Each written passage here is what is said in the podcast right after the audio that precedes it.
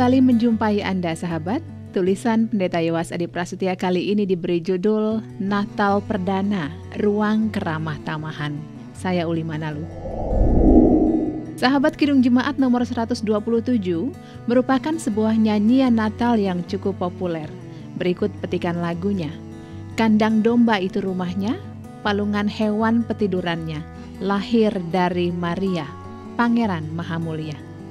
Bahkan teks asli yang digubah oleh Michael E. Paris secara dramatis menggambarkan tempat Yesus lahir itu sebagai sebuah kandang dengan pintu terbuka dengan angin yang bertiup kencang. A draughty stable with an open door. Tentu bagi orang barat yang hidup dengan empat musim dan yang merayakan Natal pada musim salju, bakal muncul dengan mudah sebuah kesan bahwa Yesus lahir di sebuah tempat yang sangat dingin, menggigil. Tradisi Kristen lantas tidak saja menurun alihkan warisan berupa ajaran iman, namun juga meneruskan kisah-kisah yang kemudian dikemas secara populer dan bahkan dibumbui di sana-sini. Saat saya, dalam hal ini pendeta Yewas masih kecil, selalu saja drama-drama Natal digelar dengan menghadirkan suasana kandang terbuka semacam itu. Dan si pemilik rumah penginapan menjadi tokoh yang paling sering tampil sebagai seorang yang kejam, tanpa belas kasihan, yang menolak Maria dan Yusuf. Mereka akhirnya harus tinggal di sebuah kandang tanpa pintu dengan angin yang bertiup itu. Dan di situlah bayi Yesus lahir. Sahabat, bukankah kisah Natal di Injil Lukas juga bertutur, dan ia melahirkan seorang anak laki-laki, anaknya yang sulung, lalu dibungkusnya dengan lampin dan dibaringkan di dalam palungan, karena tidak ada tempat bagi mereka di rumah penginapan. Lukas 2 ayat yang ketujuh. Benarkah Yesus lahir di kandang? Sahabat tak ada satu ayat pun di dalam kisah-kisah Injil yang mengatakannya. Kesimpulan itu agaknya diambil dari Lukas 2 ayat 7 yang berkata bahwa karena Maria dan Yusuf dan Yesus kemudian tak mendapat tempat di rumah penginapan, terpaksalah Yesus dibaringkan di dalam palungan. Bukankah palungan adalah tempat makan ternak dan tempat makanan ternak selalu disimpan di dalam kandang? Dari situlah kemudian muncul kesimpulan bahwa Yesus memang lahir di dalam kandang. Dengan meletakkan kisah Natal perdana itu di kandang, maka tema ketertolakan Yesus menjadi mengedepan. Bayi Yesus lahir dari Maria dan Yusuf yang menjadi orang asing yang tak diterima di mana-mana, di kota asal Yusuf sendiri. Akan tetapi jika kita meneliti lebih saksama kisah Natal kita sahabat khususnya versi Lukas, maka sebenarnya kesan semacam itu sungguh tidaklah tepat. Kunci untuk memahami kisah ini adalah pada kata penginapan dalam Lukas 2 ayat 7. Menerjemahkan kata luma, kata asli yang digunakan di ayat ini dengan penginapan sama sekali tak tepat. Kata luma lebih berarti ruang tamu atau ruang atas Kata yang sama digunakan di Lukas 22 ayat 11 ketika Yesus menyuruh Petrus dan Yohanes mencari ruang untuk perjamuan Paskah. Ia berkata, "Dan katakanlah kepada tuan rumah itu, Guru bertanya kepadamu, di manakah ruangan?" Kata luma yang dipakai, tempat aku bersama-sama dengan murid-muridku akan makan Paskah jadi sahabat kata Luma bukanlah penginapan, melainkan ruang tamu di atas. Injil Lukas memakai satu kata yang khas untuk penginapan, yaitu pandokeion, yaitu ketika orang Samaria yang baik hati merawat dan membawa korban perampokan yang ditolongnya itu ke sebuah rumah penginapan. Lukas 10 ayat 34. Jadi setidaknya hingga bagian ini sudah menjadi jelas bahwa teks Lukas 2 ayat 7 tidak berbicara apa-apa soal penginapan. Setidaknya hingga bagian ini kita sudah merehabilitasi kesan hostility dari pemilik rumah penginapan yang fiktif itu. Pertanyaan berikutnya lalu di mana Yesus lahir dan dibungkus lampin? Lukas 2 ayat 7 hanya menyebutkan dengan mengganti terjemahan kata luma. Lalu dibungkusnya dengan lampin dan dibaringkannya di dalam palungan karena tidak ada tempat bagi mereka di ruang tamu atas. Yesus dibaringkan dalam palungan dan bukan di ruang tamu atas. Kedua data ini memberi petunjuk kepada kita bahwa Maria dan Yusuf sesungguhnya berada di dalam sebuah rumah, bukan penginapan, bukan pula kandang.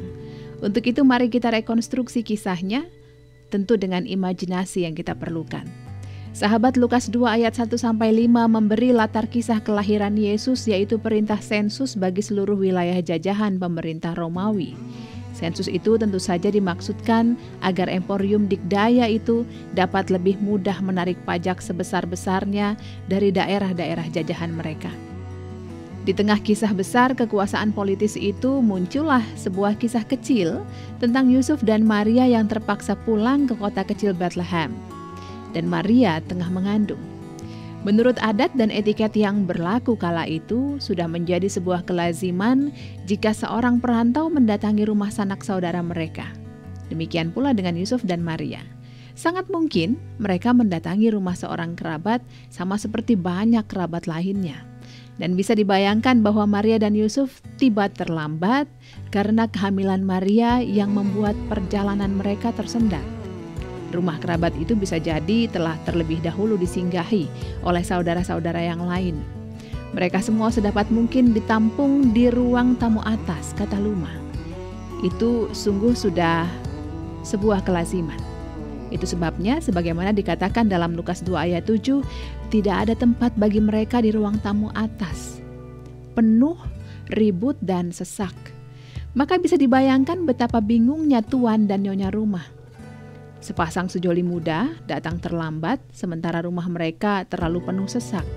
Dan bukan hanya itu, si perempuan muda itu mengandung tua dan siap melahirkan. Bagaimana jika mereka dipaksa masuk ke kata Kataluma? Lalu di sana ia melahirkan. Bagaimana mungkin bayi yang bakal lahir dapat beristirahat? Bagaimana juga dengan ibu baru yang tentu membutuhkan ketenangan untuk memulihkan tenaga dan seribu satu pertanyaan penuh kekhawatiran.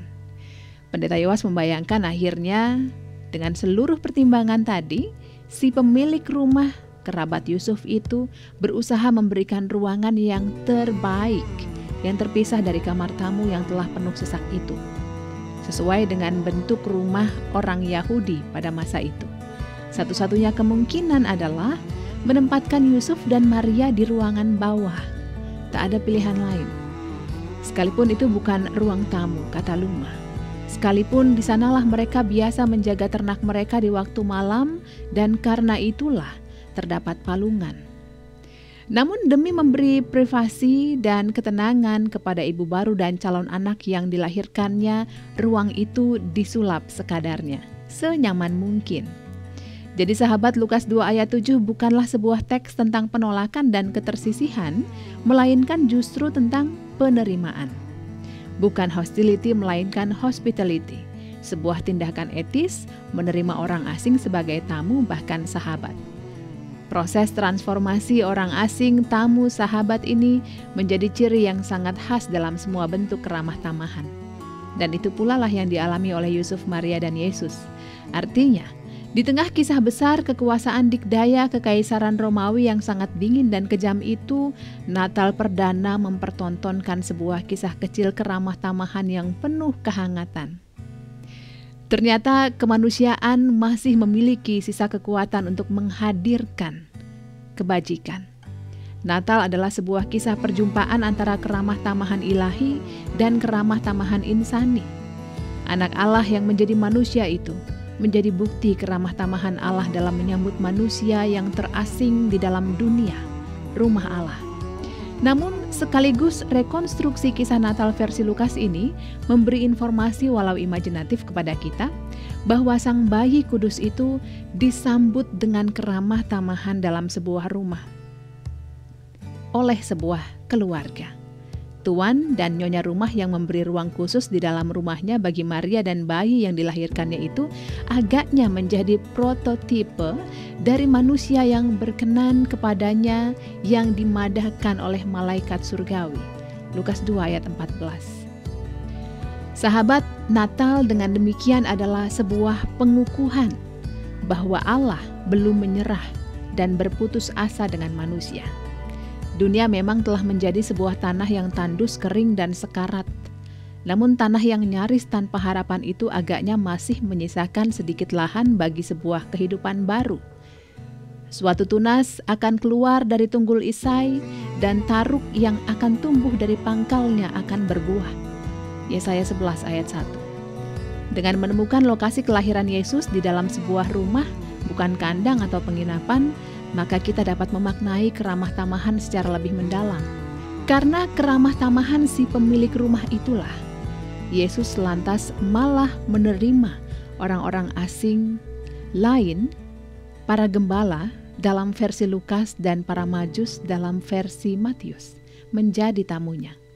Yesus lahir dari orang tua yang menjadi orang-orang asing, strangers, di tengah emporium Romawi yang menjadikan semua orang sebagai musuh, enemy, sebagai seorang tamu, guest, dari pemilik rumah yang ramah tamah, host. Dan akhirnya berubah menjadi seorang sahabat, friend, bagi orang-orang yang berada di tepian, para gembala dan majus. Sahabat, tema-tema barusan, stranger, enemy, guest, host, friend, akhir-akhir ini telah menjadi bagian dari sebuah percakapan teologis yang menawan tentang apa artinya keramah tamahan, hospitality. Namun hanya dengan menaruhnya dalam perspektif ruang, spasial, maka kita bisa memahami sepenuhnya kekuatan dari tema-tema tadi. Dalam ruang yang satu dan sama itulah orang asing dan musuh diubah menjadi tamu dan sahabat. Dalam ruang yang sama itu jugalah tuan rumah dan tamu tak jarang berganti peran. Atau dalam kata-kata Michelle Herzberger, dalam hospitalitas sejati, tamu berkali-kali menjadi tuan rumah. Peranan berbaur dan melebur, berkat-berkat dipertukarkan dan yang ilahi hadir. Pertukaran peran tamu dan tuan atau nyonya rumah ini diadegankan ulang berkali-kali dalam pelayanan Yesus. Ketika Zakheus, si pemungut cukai culas itu menjumpai Yesus sahabat, Yesus mengundang Zakheus untuk menjadi tuan rumah bagi dirinya. Alhasil banyak orang bersungut-sungut karena ia menumpang di rumah orang berdosa. Lukas 19 ayat 7. Kata menumpang di ayat ini memakai kata Yunani katalusai yang diturunkan dari kata kerja kata lu dan memiliki kata benda kata luma. Yang mengejutkan kemudian Zakheus si tuan rumah segera berubah peran menjadi tamu bagi keramah tamahan Yesus sang tamu yang berubah menjadi tuan rumah pesta anugerah dan pengampunan. Sahabat, kata yang sama muncul dalam kisah pemberian makan lebih dari 5.000 orang Lukas 9 ayat 10 sampai 17. Ketika malam mulai menjelang, para murid berkata kepada Yesus agar mereka mencari tempat penginapan. Ayat yang ke-12 menggunakan bahasa Yunani kata lusosin. Namun Yesus menolak gagasan itu dan menyelenggarakan jamuan keramah tamahan ilahi menjadi tuan rumah bagi ribuan tamu itu. Keramah tamahan ilahi yang ditampilkan Yesus juga muncul dalam ayat yang sudah dikutip sebelumnya Lukas 22 ayat 11 yang terkait dengan perjamuan terakhir di mana Yesus menjadi tuan rumah. Apa yang mau disampaikan pendeta Yowa sesungguhnya adalah pada akhirnya sahabat tak menjadi soal di manakah keramah tamahan itu dialami, di kata luma atau di ruang bawah dengan palungan di sana yang terpenting adalah bahwa keramah tamahan itu berlangsung dalam sebuah ruang konkret. Bahkan keramah tamahan adalah sebuah seni mencipta ruang. Dalam keadaan biasa, Yesus memakai kata luma sebagai ruang keramah tamahannya. Namun ketika ruang-ruang semacam itu tak mungkin didapatkan, maka keramah tamahan bisa dan harus terjadi di mana pun. Di mana Yesus berada, akan selalu tercipta ruang-ruang keramah tamahan. Kata Luma, jadinya tak lagi sekadar menjadi nama, ia lebih menjadi sebuah simbol penuh makna, simbol keramah tamahan. Sahabat terima kasih Anda sudah meluangkan waktu Anda bersama kami. Anda membutuhkan naskah cetak lengkap Labirin Kehidupan? Silakan menghubungi BPK Gunung Mulia. Terima kasih dan sampai jumpa.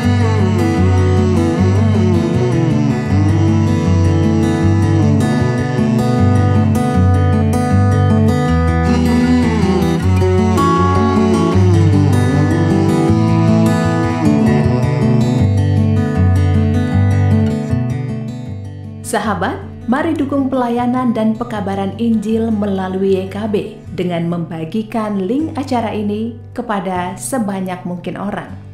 Dukungan juga dapat saudara lakukan dengan mentransfer dukungan finansial ke rekening BCA ke nomor 450 305 2990 450 305 2990 atas nama Yayasan Komunikasi Bersama.